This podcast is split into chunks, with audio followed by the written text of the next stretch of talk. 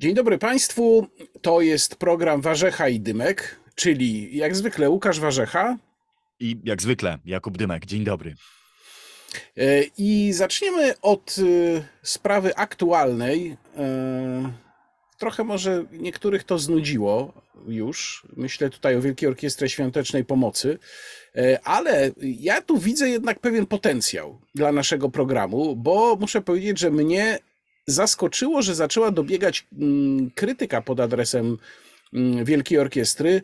E, z lewej strony odnotowałem na przykład wpis y, Jana Śpiewaka, pod którym mu się tam oczywiście strasznie mm, dostało. E, też, y, no to już nie lewa strona, to strona konserwatywna, ale ciekawy film na ten temat nagrali ludzie z y, klubu Jagiellońskiego.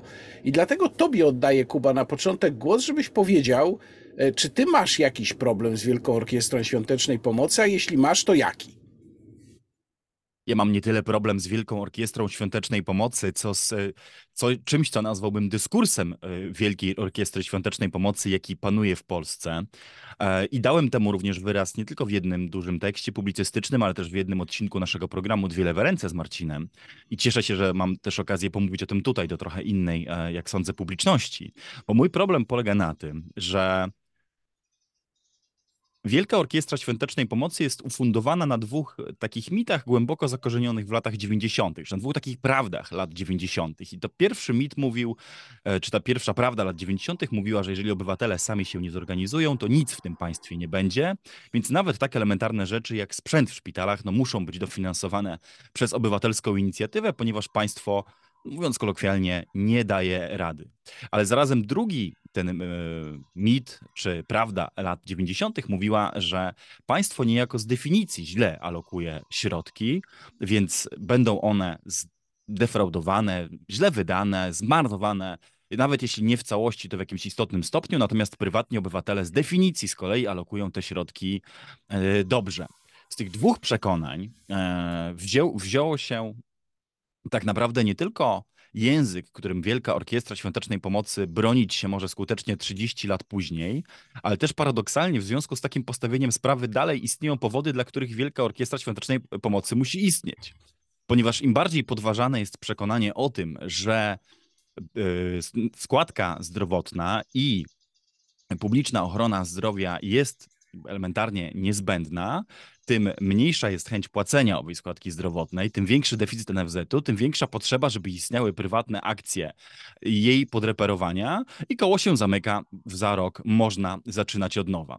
Mój problem z WOŚP-em więc polega na tym, że próbując uleczyć problemy ochrony zdrowia w Polsce, tak naprawdę przedłuża mit i daje pewne, pewną żywotność takim przekonaniom, które leżą u podstaw problemu. Znaczy przekonanie, że nie warto płacić składek, że generalnie publiczna ochrona zdrowia zawsze te pieniądze zmarnuje i w ogóle, że tak naprawdę w ogóle, że państwo polskie stoi na zrzutkach. I gdyby nie zrzutki, gdyby nie prywatna filantropia, gdyby nie takie okazjonalne akcje z celebrytami czy influencerami, to w ogóle by nic w Polsce nie działało. No i jest to przekonanie w moim prze jak sądzę, głęboko, głęboko szkodliwe.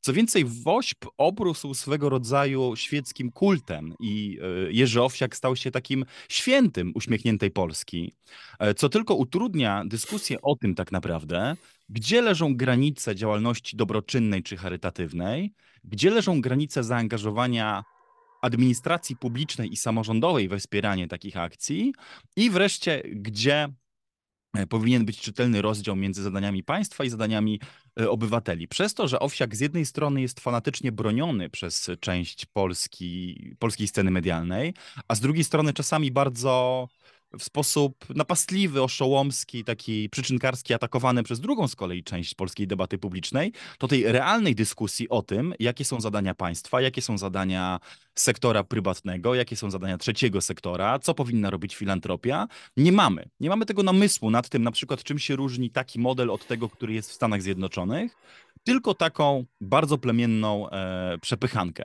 No stąd ja piszę, i tu już obiecuję, zmierzam do końca mojej wypowiedzi, stąd ja piszę i mówię, że właściwe pytanie nie dotyczy tego, czy WOŚP należałoby zdyskredytować, ośmieszyć i zlikwidować, bo moim zdaniem nie o to chodzi, lecz raczej, żeby odpowiedzieć sobie na pytanie, co o polskim państwie, o polskim społeczeństwie e, i naszym stosunku do dobra wspólnego mówi nam fakt, że po 30 latach dalej zbiórka, która rocznie przynosi jedną tysięczną wpływów do Narodowego Funduszu Zdrowia, uznawana jest za coś, co ratuje w ogóle w Polsce ochronę zdrowia jako taką. Co nam to mówi o Polsce, co nam to mówi o państwie polskim, co nam to mówi o społeczeństwie i o wizji w ogóle działania e, obywatelskiego, jaka w Polsce uważana jest za dobrą. Nie wiem, czy kojarzysz taki mem, który się pojawił i bardzo mi się spodobał, na którym stoją przedstawiciele obecnej sejmowej lewicy i jest napisane: Żądamy rozdziału WOŚP od państwa.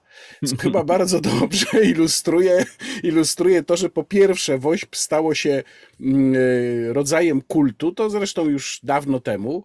Ja sam przecież mam z tym doświadczenie sięgające dwóch dekad, bo jak sobie tak policzyłem, kiedy ja pierwsze teksty krytyczne na temat Wielkiej Orkiestry zacząłem pisać, to było to gdzieś w okolicach chyba 2005-2006 roku. E, ale to też pokazuje, mm, czy trochę może zaprzecza właśnie Twojej tezie, bo tu widzę pomiędzy nami punkty zbieżne i rozbieżne ja bym na pewno, i to, i to jest y, zawsze był główny wątek mojej krytyki, kładł dużo większy nacisk na kwestię politycznego zaangażowania samego Owsiaka. Nie będę tutaj tego streszczał, bo y, w innych miejscach o tym pisałem obszernie, pewnie jeszcze będę mówił. Y, bardzo krótko mówiąc, uważam, że Wielka Orkiestra Świątecznej Pomocy jest niejako dodatkiem do pana Jerzego Owsiaka, który jest elitą, zwłaszcza lewicowo-liberalnym, potrzebny w pewnych celach. Ale. Mm, zgadzam się z tym, że rzeczywiście uznawanie, i to jest bardzo ciekawe, że tu się z lewicą zgadzam, że uznawanie Wielkiej Orkiestry za czynnik ratujący w roku 2024 polską służbę zdrowia, no albo jest jakimś niesamowitym humbugiem i po prostu trzeba ten mit obalić racjonalnym dyskursem, albo jeżeli jest to właściwa diagnoza, to jest to diagnoza skrajnie niepokojąca. Ja raczej się, prawdę mówiąc, skłaniam ku temu pierwszemu, tej pierwszej opinii, również z powodu, o którym przed chwilą powiedziałem. Po prostu uważam, że jest to politycznie pożyteczne, żeby tak przedstawiać Wielką Orkiestrę, ale masz rację, że to utrudnia bardzo racjonalną dyskusję o dobroczynności. I teraz przechodzę do tego, co powiedziałeś. Mm, I gdzie się chyba nie do końca zgadzamy. Tam, gdzie mówisz o, o tym, że prywatna dobroczynność ratuje państwo, które powinno przecież w ramach swoich normalnych obowiązków pewne rzeczy obywatelom zapewnić. No więc właśnie tu jest pytanie, czy to jest prywatna dobroczynność. Bo jak jest ten mem, żądamy rozdziału woź pod państwa, y, to on zakłada, chyba mm, myślę bez świadomości autora, no ale trafnie to wyszło, że WOŚP jest powiązana z państwem znowu w tej chwili bardzo blisko.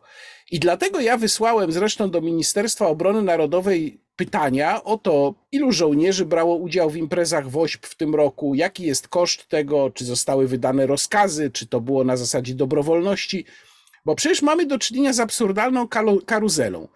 Wielkie pieniądze ze strony samorządów, ze strony służb, ze strony instytucji państwowych biorących w tym udział, ze strony spółek z udziałem Skarbu Państwa, wielkie pieniądze są angażowane w to, żeby wziąć udział w tym finale, po to, żeby zebrać od ludzi pieniądze, które zostaną wpłacone do budżetu. No przecież jest to kompletny absurd. To jak napisałem w komentarzu, który powinien się w środę ukazać w Rzeczpospolitej, równie dobrze mogłaby, mogłoby wojsko wziąć po prostu wpłacić te pieniądze wprost do NFZ-u. Zamiast jechać tam z tymi transporterami opancerzonymi, z tymi swoimi żołnierzami i tak dalej. Nie ma, wychodziłoby na jedno, choć nadal byłyby to publiczne pieniądze. Więc moim zdaniem problem polega na tym, że impreza pana Owsiaka została de facto upaństwowiona, miała tę przerwę ośmioletnią, kiedy działała poza tym systemem, no to była, były czasy rządów PiS, ale została upaństwowiona i w zasadzie jest częścią państwa. Tylko tutaj jest słuszne pytanie, które stawiasz ty i ci lewicowi krytycy. Po co? Czy dlaczego państwo się posługuje takim dziwnym instrumentem? I tutaj moim zdaniem odpowiedź jest taka, jaką ja daję. To znaczy, dlatego, że jest to potrzebne politycznie. A po co jest potrzebne politycznie, to widzieliśmy w czasie Marszu Miliona Serc, gdzie pan Jerzy Owsiak został zaproszony na scenę i no, w sposób lekko tylko zawoalowany um, użył tej niezwykle eleganckiej i zgrabnej figury retorycznej, mówiąc o walce z sepsą, prawda? Odnosząc się ewidentnie do nadchodzących wyborów parlamentarnych. Nawiasem mówiąc, tutaj nie mogę sobie odmówić też złośliwości przypomnienia tego, jakie e, wypowiedzi, bo ja sobie zrobiłem ostatnio kwerendę moich tekstów na temat pana Owsiaka, jakie wypowiedzi e, Jerzy Owsiak ma na koncie e, z przeszłości. I no jedna z tych wypowiedzi, która pochodzi z 2014 roku, jest, można powiedzieć, skrajnie skandaliczna. Tutaj właśnie mm, szukam jej, żeby dobrze zacytować. O, brzmiało to tak. Jeżeli chcę to, co się wokół orkiestry działo, do czegoś porównywać, to niestety muszę to porównać do zapachu komór gazowych, do języka nazistowskiego, komunistycznego, do słów, które mogły padać w Katyniu, mogły padać w Auschwitz. To jest ten rodzaj retoryki, który się dzieje wokół także nas. Powiedział Jerzy Owsiak w nagraniu w 2014 roku, kiedy tam rozważał, czy nie zrezygnować z kierowania Wielką Orkiestrą. No przecież to są takie słowa, za które Y, czy Jan Pietrzak, czy Marek Król zostali po prostu zdeptani. To mniej więcej podobna retoryka. Y, a Jerzy Owsiak wyszedł bez szwanku, no bo to jest nasz świecki święty, jemu wolno więcej. Więc wydaje mi się, że tutaj jednak też jest problem, nie tylko w tym, o czym ty mówisz. No ale oczywiście możemy się tu różnić.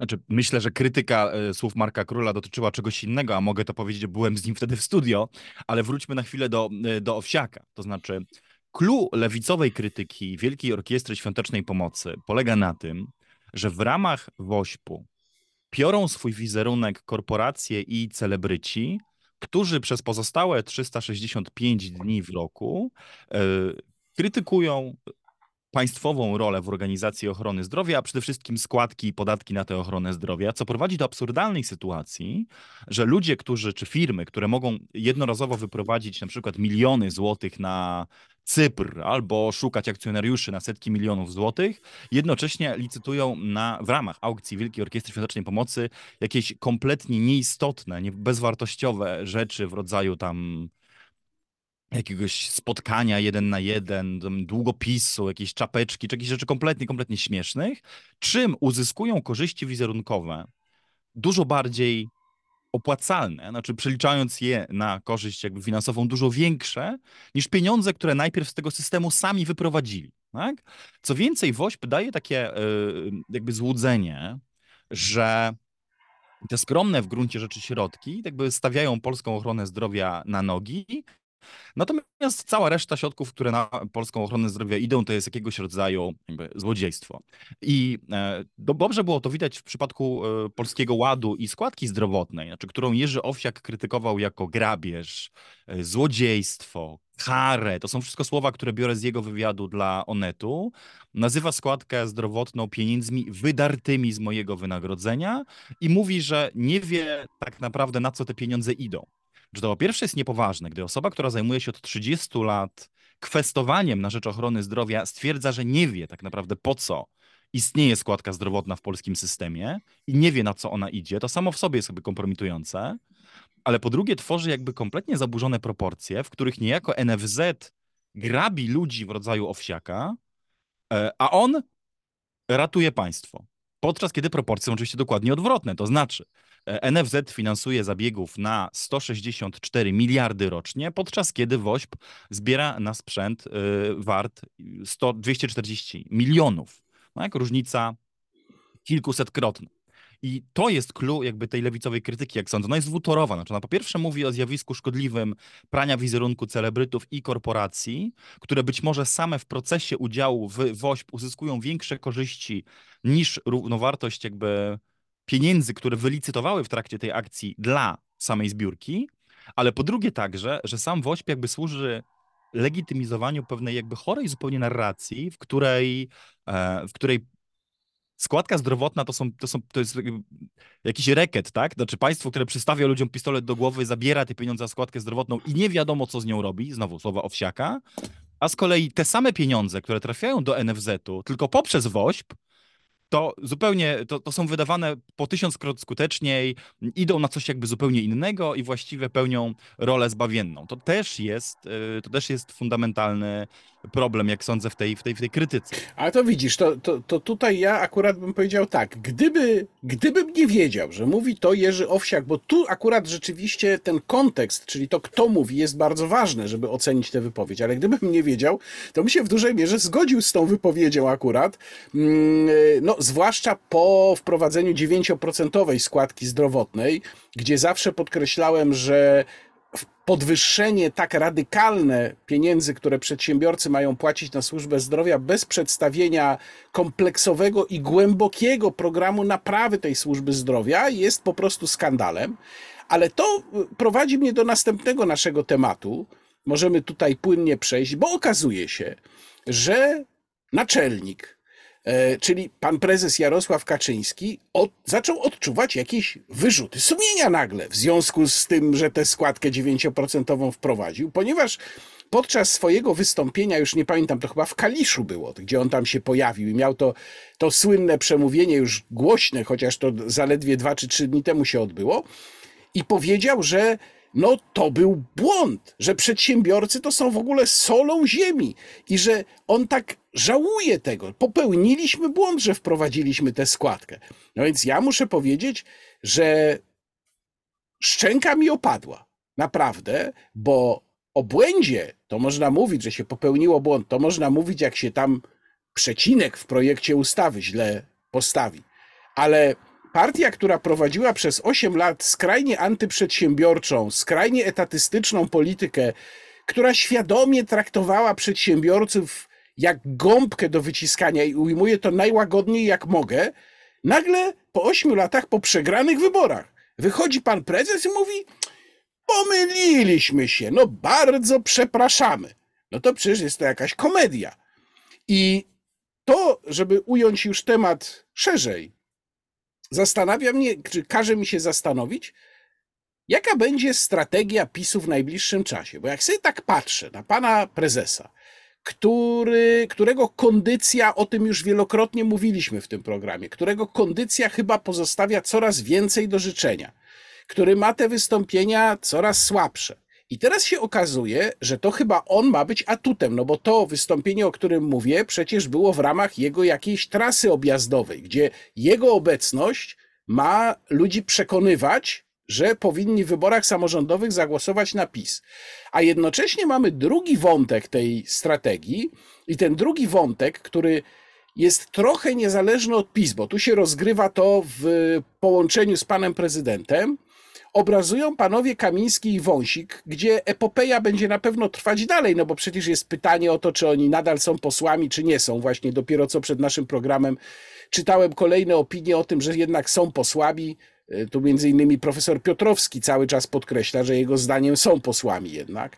Więc to będzie dalszy ciąg tej sprawy, ale ja sobie myślę o tym geście, który wykonał pan prezydent. I jak mówię, to jest w jakiejś mierze niezależne od PiSu, no bo to, to była jego inicjatywa, ale w jakiejś jednak jest. Sytuacja, w której okej, okay, już mamy tych panów na wolności, jest to drugie ułaskawienie, które moim zdaniem, nie wiem czy się ze mną zgodzisz, jest porażką pana prezydenta i w ogóle uważam, że pan prezydent przegrał po prostu w tym starciu z władzą, z rządem Donalda Tuska, ale potem jeszcze to zaproszenie do Pałacu Prezydenckiego z tymi misiami ostentacyjnymi, obściskiwaniem się, podczas kiedy wygląda na to i pokazują to raczej sondaże, że grupa ludzi gotowych uznać panów Kamińskiego i Wąsika za bohaterów jest mniejsza nawet niż grupa wyborców PiS. Więc gdzie jest ta strategia na wybory samorządowe. Znaczy, co nią ma być? Ma być yy, przepraszanie za to, co się zrobiło przedsiębiorcom, czy ma być utulenie do serca panów Kamińskiego i Wąsika? I jeszcze, jeżeli do tego dodać, co już mi się wydaje scenariuszem, no po prostu kompletnie fantastycznym, ale w takim złym sensie, ale wszystko jest możliwe. Pojawiające się tu i tam plotki o tym, że pan Kamiński mógłby zostać kandydatem na prezydenta Warszawy, no to, to już się po prostu robi z tego totalna komedia. Czy to wygląda tak, patrząc z zewnątrz, jakby PiS było w stanie jakiejś całkowitej, również intelektualnej rozsypki. Bardzo szeroki, e, szerokie pytanie, szeroki e, wątek, bo zacząłeś od e, składki zdrowotnej, a skończyłeś na wyborach samorządowych, więc ja szybciutko odniosę się do wszystkiego tutaj po kolei. Znaczy, realnie wydatki na ochronę zdrowia w Polsce względem PKB spadają. Znaczy, pomimo tego, że w ustawie mamy zapisane te 6,20 i docelowo 7% PKB publicznych wydatków na ochronę zdrowia, to w związku z tym, że jest bardzo duża inflacja, to realne sumy PKB są dużo mniejsze. Ja mam przed sobą monitor finansowania ochrony zdrowia z jesieni 2023, który wskazuje, że ten nakład do PKB, choć w ustawie zapisany jest na 6,20, wyniesie w 2024 roku 5%, 5,06, co zepchnie nas prawdopodobnie do rangi jednego z państw w Unii Europejskiej, które wydaje najmniej na ochronę zdrowia. I to jest e, częściowo przynajmniej odpowiedź trochę na Twoje pytanie, dlaczego nie widzimy na przykład natychmiastowej poprawy pomimo nominalnego zwiększenia nakładów. Ano, dlatego, że to nominalne zwiększenie nakładów jest e, prawdopodobnie pożerane przez rosnące koszta, czy to energii, czy to e, płac, czy to wyposażenia, paliwa i tak dalej, w stopniu większym niż są w stanie być podnoszone. No jest, ale, jest... ale, Kuba, ale, ale musisz przyznać, że za podwyższeniem składki zdrowotnej nie poszedł żaden plan naprawy. Przecież wiesz doskonale, bo było przykładów tego mnóstwo. National Health Service w Wielkiej Brytanii kilkanaście lat temu było jednym z takich najczęściej omawianych przykładów, że można wrzucić do służby zdrowia dowolną kasę. Naprawdę dowolną. Jeżeli za tym nie pójdzie sensowny plan naprawy, to ta kasa się rozpłynie. Ja nie jestem ekspertem od organizacji ochrony zdrowia, nie? bo to jest bardzo trudny temat i ludzie całe studia robią, żeby móc się na ten temat wypowiadać, więc zwrócę uwagę na aspekty, o których się trochę bardziej znam. Nie? I to są na przykład demografia, migracja, e, czy właśnie finanse publiczne. I jakby chociażby samo pobieżne rzucenie okiem na te trzy zjawiska, to znaczy, że mamy starzejące się społeczeństwo, do tego systemu ochrony zdrowia wpadło milion osób z Ukrainy, które uzyskały prawo prawdopodobnie do, do ubezpieczenia w NFZ przecież, bo gdzie indziej.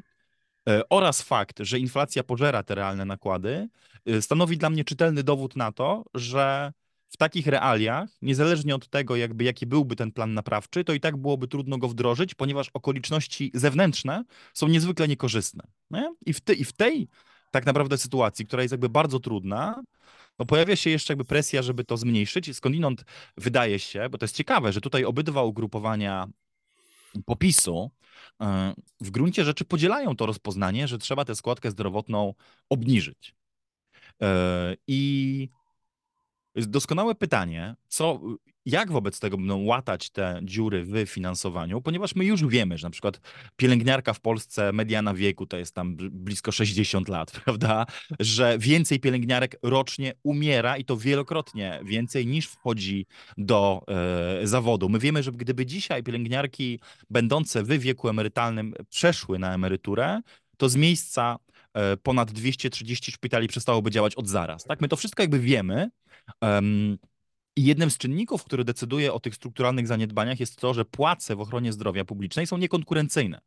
I trzeba je, trzeba je wyrównać, e, ale też z drugiej strony nie będę twierdził, że środowisko medyczne jest święte, bo z kolei to środowisko medyczne, przede wszystkim organizacje zawodowe też się bronią przed tym z kolei, żeby wpuszczać na ten rynek więcej pracowników, pracownic z Ukrainy. Chociaż one i tak już, nie wiem jak, kiedy ostatni raz byłeś w przychodni w Warszawie, albo w obważanku, ale one i tak już stanowią naprawdę istotną, bardzo widoczną część personelu medycznego. Tak, tak. By, byłem, byłem i widziałem to tak. I to rzeczywiście słychać po prostu po języku. Więc teraz wyobraź sobie sytuację, że skoro to już słychać i już widać, jak dużą część personelu medycznego w Polsce stanowią obywatelki Ukrainy, co by było jeszcze, gdyby nie ta migracja, prawda? Znaczy, jak wtedy w ogóle dotkliwy byłby ten deficyt. Nie? I to jest sytuacja, której nie można rozwiązać bez podniesienia, bez podniesienia yy, nakładów. Co mi to, teraz przechodzę do twojego pytania o prezesa Kaczyńskiego i jego licytację na to, że teraz będzie politykiem, który e, przeprasza za podniesienie e, składki w Polskim Ładzie.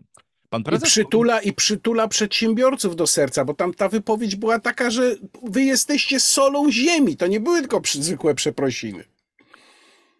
No, tu można powiedzieć, że pan prezes mówi językiem, który, który przetestowała już każda partia w Polsce, z wyjątkiem partii Razem, bo każda na jakimś etapie mówiła, że to przedsiębiorcy w Polsce są solą tej ziemi i to tylko im zawdzięczamy ten dobrobyt e, gospodarczy. To bardzo ciekawe, że mało która partia mówi w Polsce o tym, że są pracujący też, że są pracownicy w ogóle i że w Polsce 17 milionów ludzi wciąż wykonuje pracę w strukturze etatu, a nie na przykład ma swoją mikrodziałalność. No, nie, przepraszam cię, Kuba. PiS cały czas to mówił. PiS właśnie był nastawiony wyłącznie na tych ludzi, wyłącznie przez 8 lat. Moim zdaniem bardziej na emerytów, e, ale to jest, to jest inna, inna rozmowa, której teraz nie rozstrzygniemy. Przyjmuję twój kontrargument, znaczy przyjmuję ten punkt, ale wrócę na chwilę do tej, do tej retoryki. Znaczy pan prezes powinien mieć pretensje, nawet co ciekawe, nie tak bardzo do siebie, co do swojego koalicjanta Jarosława Gowina i do lobby biznesowego w Polsce, które i antypodatkowego, które popsuło Polski Ład, które y, z projektu, który był napisany w sposób, który podejrzewam tobie by się nie spodobał, ale był w swoich założeniach słuszny. On zwiększał progresję, um, zdejmował dużą część obciążeń podatkowych przede wszystkim z tych najmniej zarabiających i tworzył y, bardziej, powiedziałbym, egalitarny i sensowny system podatkowy i też bardziej spójny. W ciągu zaledwie kilku miesięcy zrobiono potwora. Znaczy zrobiono potwora, zrobiono system, który y, jest, który większe ulgi daje ostatecznie zamożniejszym niż tym niezamożnym, który jest bardziej kosztowny dla budżetu państwa, a jednocześnie wszyscy wychodzą z niego niezadowoleni i e, przy czym próbuje, i przy czym te z kolei wysokie jednak obniżki podatków, bo Polski Ład per saldo zmniejsza wpływy podatkowe, z kolei rekompensuje wyższą składką zdrowotną, na którą wszyscy narzekają, ponieważ same zasady jej rozliczania są bardzo nieprzejrzyste. I teraz, to wydarzyło się w ciągu kilku zaledwie miesięcy, bardzo, i to zostało zbadane badane też. Nie? Badacze pomierzyli te reakcje mm, i wpływ debaty medialnej na kształt Polskiego Ładu. W ciągu zaledwie kilku miesięcy, w moim przekonaniu, no, nikogo za rękę nie złapałem, ale mam dobre intuicje tym, i, i, i, przesłanki, które idą w tym kierunku, w resorcie Jarosława Gowina. To znaczy postanowiono z projektu ustawy, który miał wreszcie w Polsce system podatkowy wycofać ze skrajnie modelu, szkodliwego modelu regresywnego tak naprawdę, w którym nauczycielka na etacie płaciła wyższą składkę zdrowotną niż menadżer na kontrakcie, który zarabiający kilkanaście lub kilkadziesiąt tysięcy złotych, albo y, programista na B2B. E, I z, z projektu, który próbował ucywilizować tę sytuację też bardzo antyrozwojową, szkodliwą, niesprawiedliwą, elementarnie dysfunkcyjną, uczynił projekt, który nie tylko w jakimś sensie przedłużył jego dysfunkcję, ale też bardzo mocno zniechęcił y, obywateli do systemu świadczeń i zabezpieczeń społecznych oraz obniżył podatki, tylko obniżył je tak nieproporcjonalnie, że koniec końców progresja i e, wyrównywanie różnic majątkowych w nim jest dużo mniejsza niż w wersji. A to widzisz.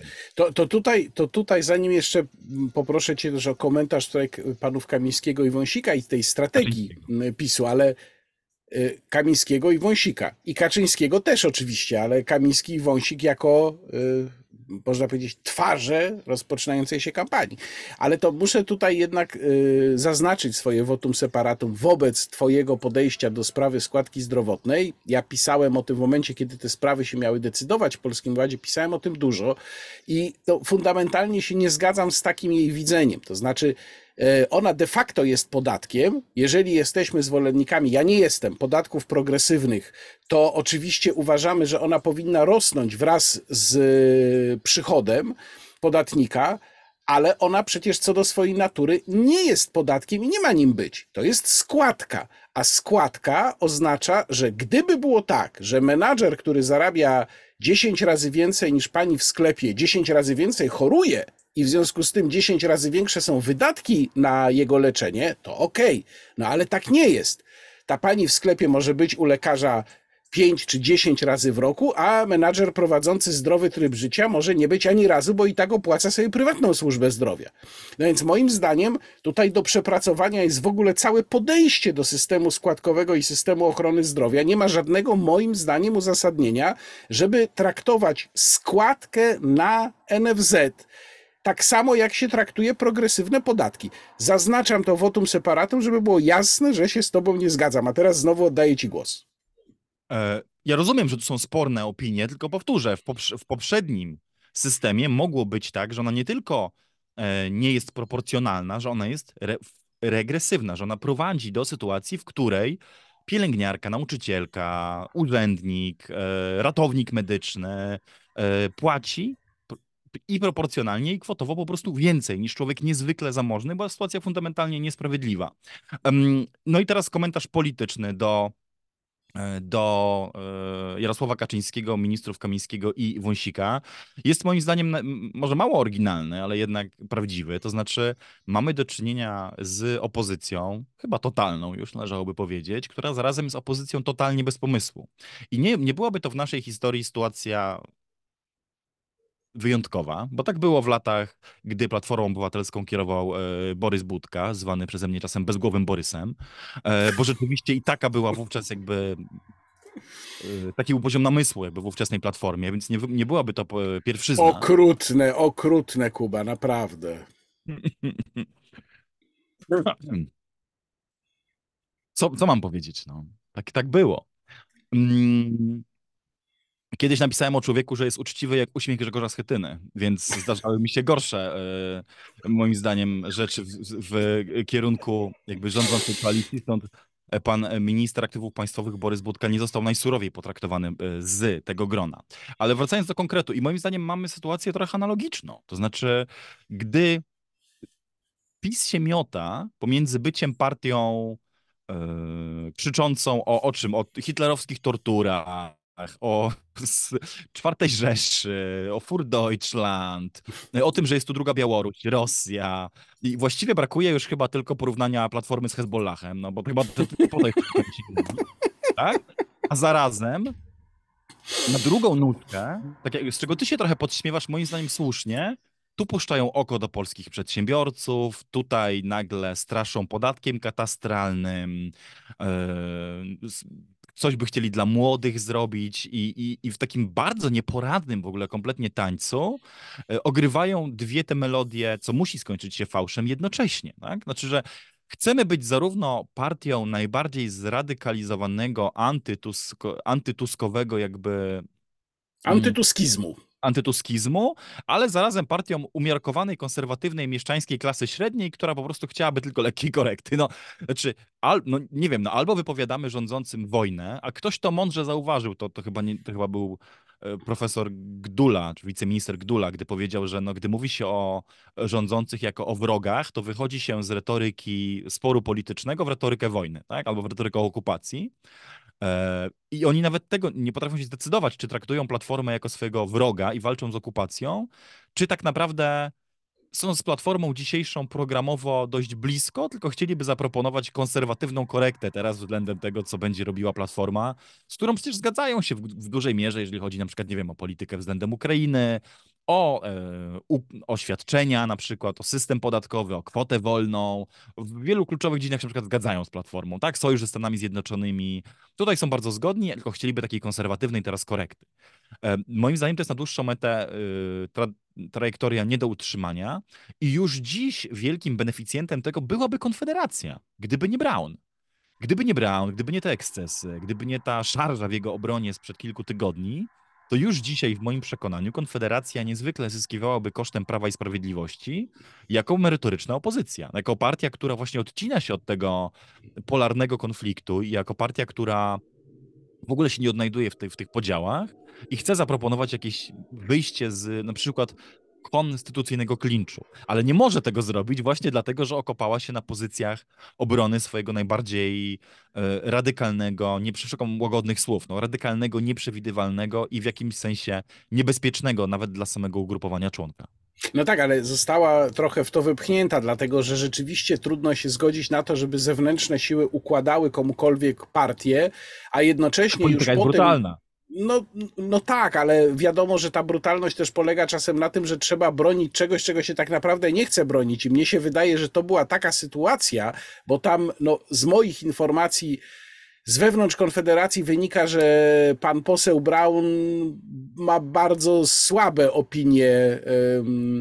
No właśnie wewnątrz ugrupowania, poza oczywiście grupą oddanych sobie osób, natomiast no, pojawiają się zupełnie zupełnie oficjalnie głosy przecież takie jak Przemysława Wiplera. Też jest zresztą on traktowany trochę jak obcy element, no ale, ale on mówi w zasadzie chyba wprost, że lepiej by było, gdyby Grzegorza Brauna w Konfederacji nie było. I ja myślę, że taki jednak ostatecznie będzie tego finał, tylko że jest ten haczyk cały czas w postaci wielkości, wielkości klubu. No bez Grzegorza Brauna i jego trzech posłów mamy nie 18, ale 14 osób, bo jedną za mało na klub.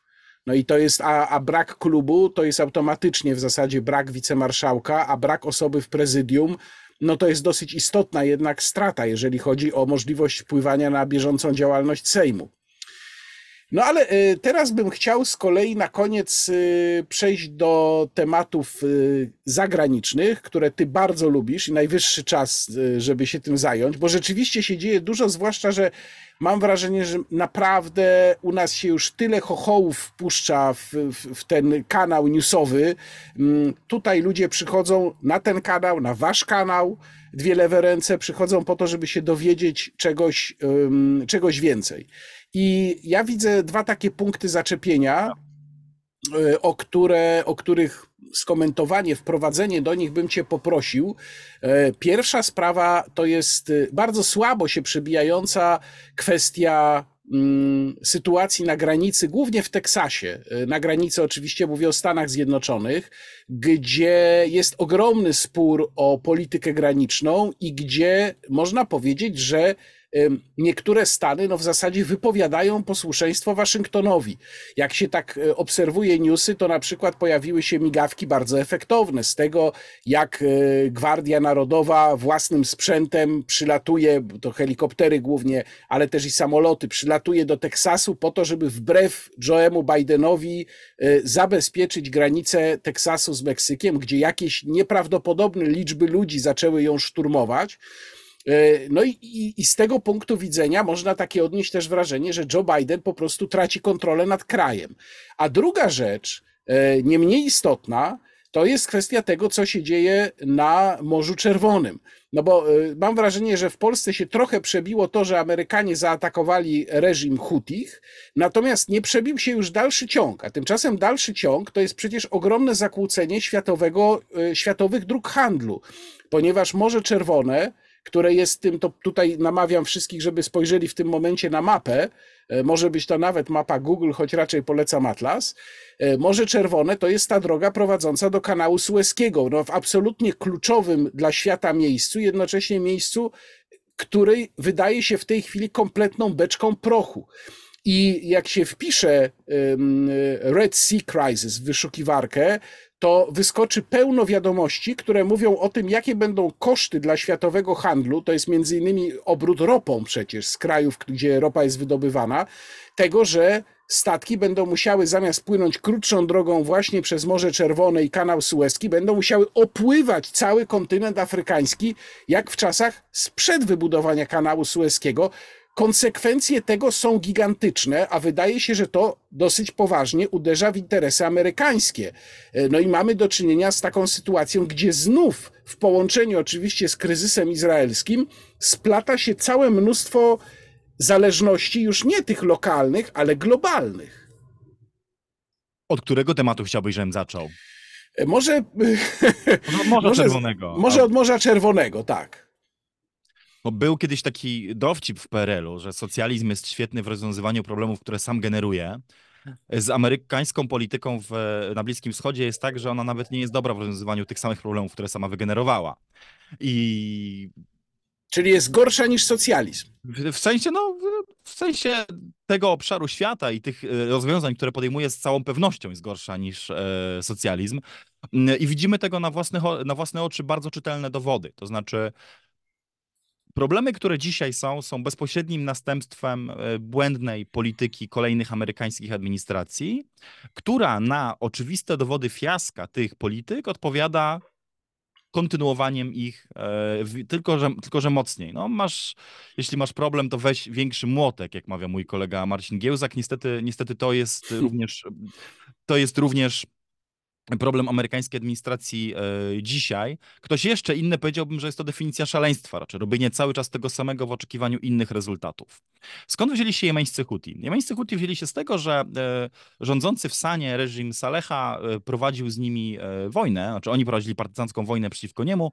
Saleh powiedział Amerykanom, że ma problem z Al-Kaidą i poprosił o pomoc w bombardowaniach. A Amerykanie po tym, jak już skutecznie, mniej lub bardziej skutecznie zbombardowali pozycje należące do Al-Kaidy w Jemenie, Jemenie Północnym, bo tam e, stamtąd wywodzą się Huti, e, zajdyccy szyici e, zamieszkujący tamten region kraju, to zaczął bombardować pod kierownictwem czy za radą Saleha Hutich właśnie. Następnie do gry weszła Arabia Saudyjska, która wraz ze Zjednoczonymi Emiratami Arabskimi e, bombardowała Hutich przez kolejne 8 lat, doprowadzając do największej katastrofy humanitarnej na świecie, bo jedną z metod prowadzenia tej wojny była blokada głodowa, która doprowadziła do klęski głodu i e, chorób, która pociągnęła za sobą życie. Szacunki się bardzo różnią, ale między 100 a 300 tysięcy e, cywilów. W pewnym momencie zresztą międzynarodowe organizacje szacowały, że nawet 85% ofiar tego konfliktu to dzieci poniżej 7 roku życia. No dlaczego? Dlatego, że wygłodzone matki mają problem, żeby wykarmić swoje dzieci, te mają mniejszą odporność, więc szybciej umierają na choroby e, zakaźne. Te 8 lat nie doprowadziło do e, wyrzucenia Hutich z ich pozycji, co więcej nie osłabiło ich możliwości prowadzenia działań e, dywersyjnych, bo okazało się, że blokada głodowa rzeczywiście osiągnęła ten skutek, że udało wywołać się głód, natomiast choć udało się powstrzymać dostawy leków, zboża czy y, aparatów do filtrowania wody, to nie udało się powstrzymać dostaw jednego, znaczy irańskich Broni. Broni. Tak, dokładnie. Zgadłem? Tak, dronów, tak jest. W efekcie Huti po e, łącznie już kilkunastu latach różnych kampanii przeciwko nim, z czego tej najbardziej e, zaawansowanej i ro, rozciągniętej w czasie saudyjskiej, dalej rządzą północnym Jemenem, stanowią de facto rząd w kraju upadłym e, i zyskali możliwość, jakiej wcześniej nie mieli, czyli zastosowania tego, co było stosowane wobec nich samych wcześniej, zaznaczmy, czyli blokady morskiej, po którą sięgnęli, domagając się e, najpierw dopuszczenia dostaw pomocy humanitarnej do gazy, a następnie e, zawieszenia broni w strefie gazy. Tu od razu zaznaczmy dla polskich słuchaczy, żeby była jasność, Huti to też nie są mm, sympatyczni, liberalni demokraci. Tak? Znaczy ruch Hutich e, w ramach postępów w ich zwalczaniu się islamizował. Znowu kolejny żart e, o tym, jak to walka klas w ramach, w czasie postępów budowy socjal- socjalizmu zaostrza się, tak też było z islamizacją ruchu Hutich. Tak jak na początku nie był to ruch stricte islamistyczno-proirański, tak po ośmiu latach bombardowań można z całą pewnością powiedzieć, że jest to już ruch mocno antyzachodni, antyokcydentalistyczny, islamski i fanatyczny w, swoi, w, swoich, w swoich przekonaniach. Mm, To jest, do- przepraszam, akurat bardzo znany mechanizm. To jest mniej więcej tak, jak się udało nastawić antyzachodnio Serbię Zachodowi swego czasu. To wszyscy to znamy to doskonale.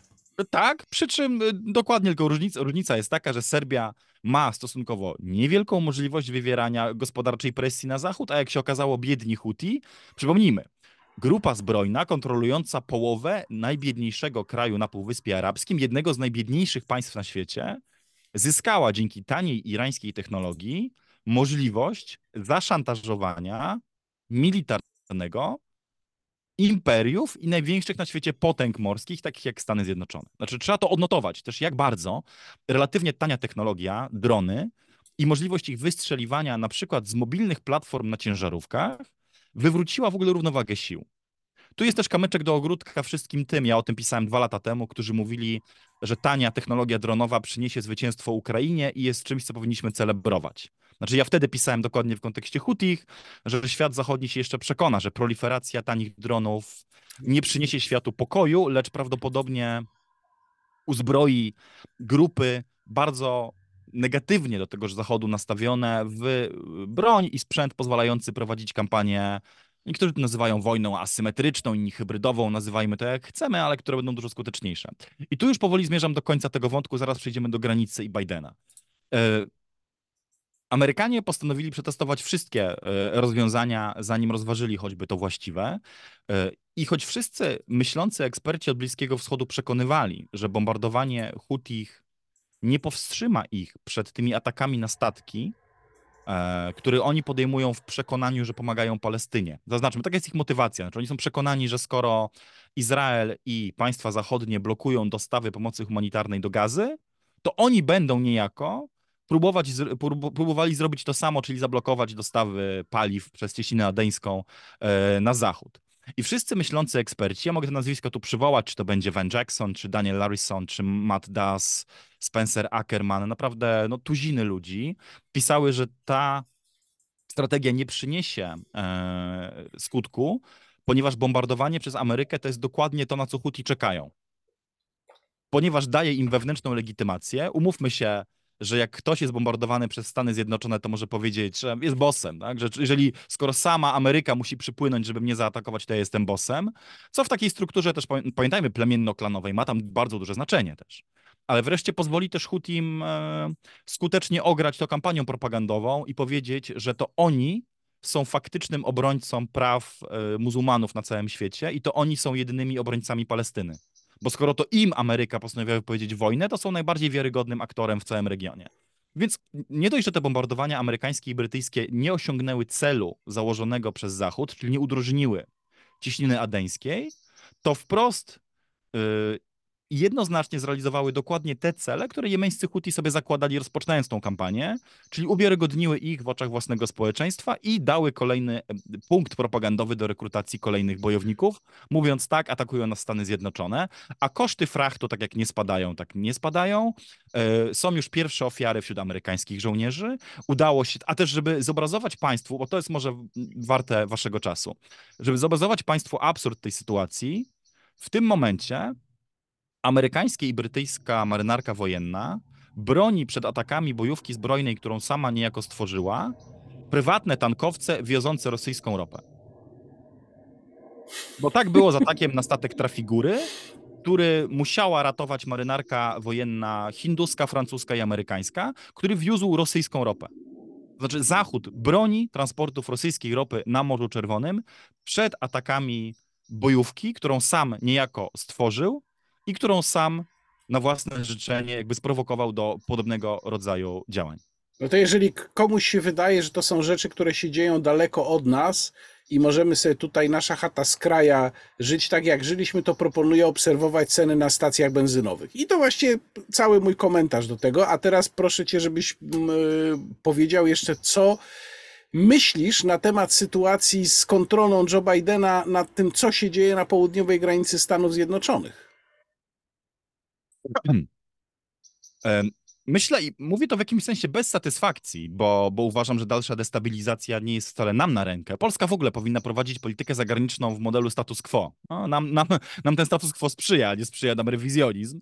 Mm, I tak, tak, jak, tak samo jak jest z Morzem Czerwonym, tak samo nie cieszę się w jakimś sensie z kompletnej porażki Joe Bidena, ale uczciwość każe im powiedzieć, że jest ona faktem, bo polityka obydwu administracji y, w dziedzinie zarządzania migracją po prostu nie zadziałała. Znaczy nie zadziałał ani mur prezydenta Donalda Trumpa, y, ani polityka Joe Bidena, która wcale, znaczy nie była dużo bardziej humanitarna y, w dziedzinie ochrony granic i redukcji migracji z bardzo prostego powodu, mianowicie czynniki, które wypychają ludzi do Stanów Zjednoczonych są zewnętrzne, zewnętrzne wobec polityki amerykańskiej. E, to jest e, hiperinflacja i kryzys państwa w Wenezueli, e, to jest przemoc zbrojna w Meksyku, znaczy wojna po prostu między aparatem państwa i gangami, klęski żywiołowe i wojna gangów na Haiti, a oprócz tego jeszcze konflikty zbrojne czy katastrofy humanitarne dziejące się w zupełnie innych miejscach świata, to znaczy, czy to będzie Palestyna, Ukraina mm, czy Etiopia, które z kolei tworzą pretekst, Demokratyczna Republika Konga, Republika Środkowoafrykańska, które z kolei tworzą pretekst, żeby dzięki przemytnikom dostawać się do Meksyku i również przez południową granicę Stanów Zjednoczonych próbować się tam przedostać. I my wiemy, że te polityki nie działają, bo już na naszych oczach zaobserwowaliśmy tak naprawdę fiasko kilku różnych prób uszczelniania tej granicy, odpychania migrantów, e, detencji i one wszystkie nie zadziałały. I nie mówię tego dlatego, Ale że... może, przepraszam, Kuba, ale czy to nie jest tak, że one nie zadziałały, bo nie były prowadzone konsekwentnie i nie były prowadzone jednocześnie. No bo ja jednak pamiętam sytuację, kiedy o budowie muru y, na południowej granicy zdecydował, y, zdecydował Donald Trump. Y, Oburzenie było gigantyczne, no po czym się jednak okazało, że te mury graniczne w różnych miejscach świata albo powstawały, albo powstają, jak zaczęto to sprawdzać. No i jest to jedna z metod, które są uznawane mimo wszystko za taką podstawę. No, wystarczy przypomnieć Izrael, który oddzielił się murem, zaufał za bardzo technologii, jak wiemy. No, to była e, jedna z przyczyn, dla których udały się e, zeszłej jesieni ataki Hamasu. E, ale mimo wszystko, gdyby nie to ogrodzenie od terytoriów palestyńskich czy arabskich, generalnie rzecz biorąc, to pewnie byłoby znacznie więcej sytuacji groźnych dla Izraela. Więc nie wiem, czy można tak mówić, że wszystkie metody okazały się nieskuteczne. Może trzeba po prostu mówić, że nie było dobrego ich zgrania, synchronizacji i połączenia. Znaczy, gdyby okazały się skuteczne, to nie obserwowalibyśmy tego, co widzimy teraz na własne oczy. Znaczy, gdyby mur e, czy zapora graniczna miała wpływ na liczbę nielegalnych przekroczeń, to ta liczba nielegalnych przekroczeń by spadła, ale tak się, tak się nie stało. Ja ci to opowiem na przykładzie, był wyśmienity reportaż w New York Timesie o miasteczku Eagle Pass i o programie gubernatora Grega Abbotta E, redukcji migracji właśnie, który obiecał, i znasz doskonale tę sytuację, on obiecał, że użyje Gwardii Narodowej, by wyręczyć niejako urzędy federalne w ochronie granicy, w przekonaniu, że te urzędy federalne sobie nie radzą. To zresztą e, wytworzyło kryzys konstytucyjny, który trwa i który prawdopodobnie Teksas przegra. Greg Abbott obiecał, że e, przywiezie Gwardię Narodową, pomoże odgrodzić granice i powstrzymać nielegalną migrację na prywatnych posesjach ludzi pojawili się strażnicy, żołnierze, którzy zaczęli, wiesz, rozwijać drut kolczasty. Budować takie boje na, na wodzie, które no mają odpychać ludzi, no powodować, że oni nie przepłyną, e, żeby nie powiedzieć wprost brutalnie, że utoną. No, zaczęli montować kamery e, i nadzór. No, I e, bardzo wiele rzeczy robić, które miały tych migrantów powstrzymać.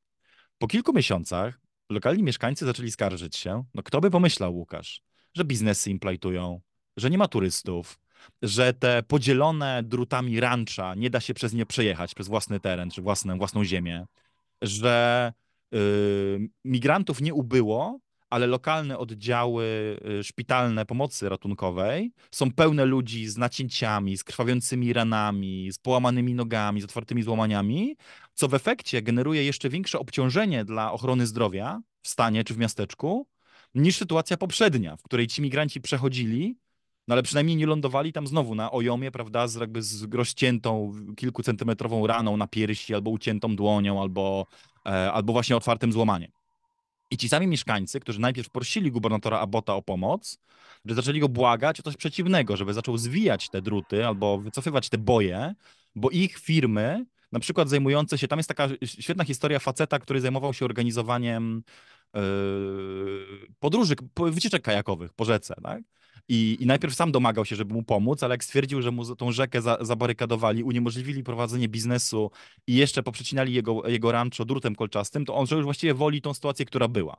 I myślę, że ta historia miasteczka Eagle Pass dobrze tutaj trochę ilustruje jakby problem. Jeżeli presja migracyjna pochodzi z zewnątrz i ci ludzie tak czy inaczej jakby napierają, e, czy próbują przedostać się na drugą stronę granicy, to mm, możliwość skutecznego ich powstrzymania bez żadnych kosztów zewnętrznych jest, jest niewielka. Ja nie mówię, że jej nie ma wcale, ja tylko pokazuję, że te koszta gdzieś potem zostają przeniesione, jak chociażby w postaci tego, że Straż Graniczna, czy Border Guard, koniec końców i tak musi y, połamanych ludzi, którzy pospadali z tego płotu po prostu, połamanych ludzi i tak podnosić z ziemi i takich odwozić na oddziały pomocy ratunkowej i udzielać im tam y, pomocy.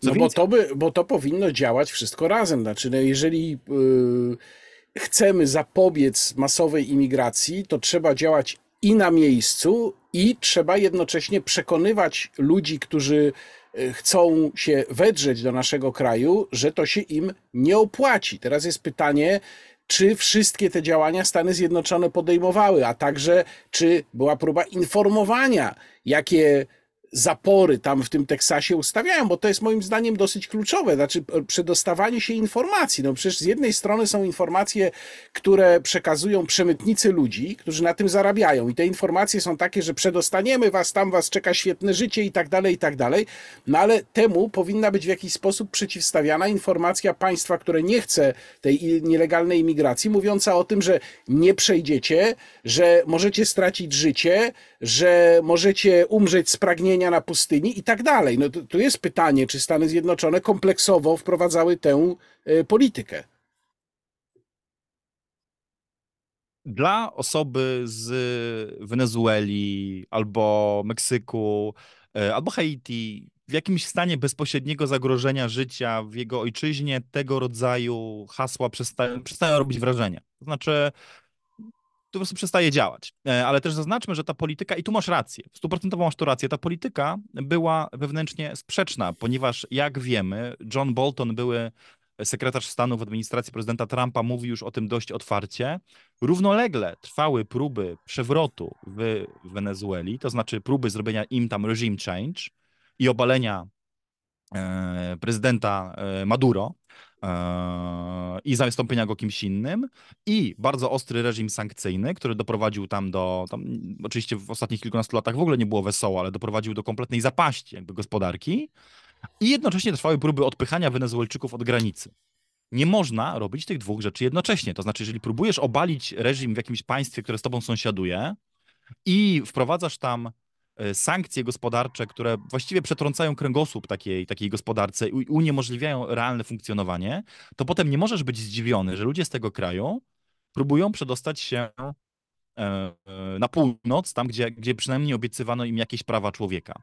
Analogicznie byłoby w Polsce, znaczy gdyby Polska miała możliwość, nie ma takiej możliwości, ale gdyby miała taką możliwość, żeby zadusić gospodarkę białoruską i jeszcze zrobić jakąś próbę puczu odsuwającą Aleksandra Łukaszenkę od władzy, to trudno byłoby, gdybyśmy my byli zdziwieni, że Białorusini e, po porażce takiego puczu i w sytuacji kompletnej spirali hiperinflacyjnej, gdzie w Wenezueli też pamiętajmy, że plewi się z tego tytułu prostytucja, handel organami, mm, koszmarne zupełnie rzeczy, tak?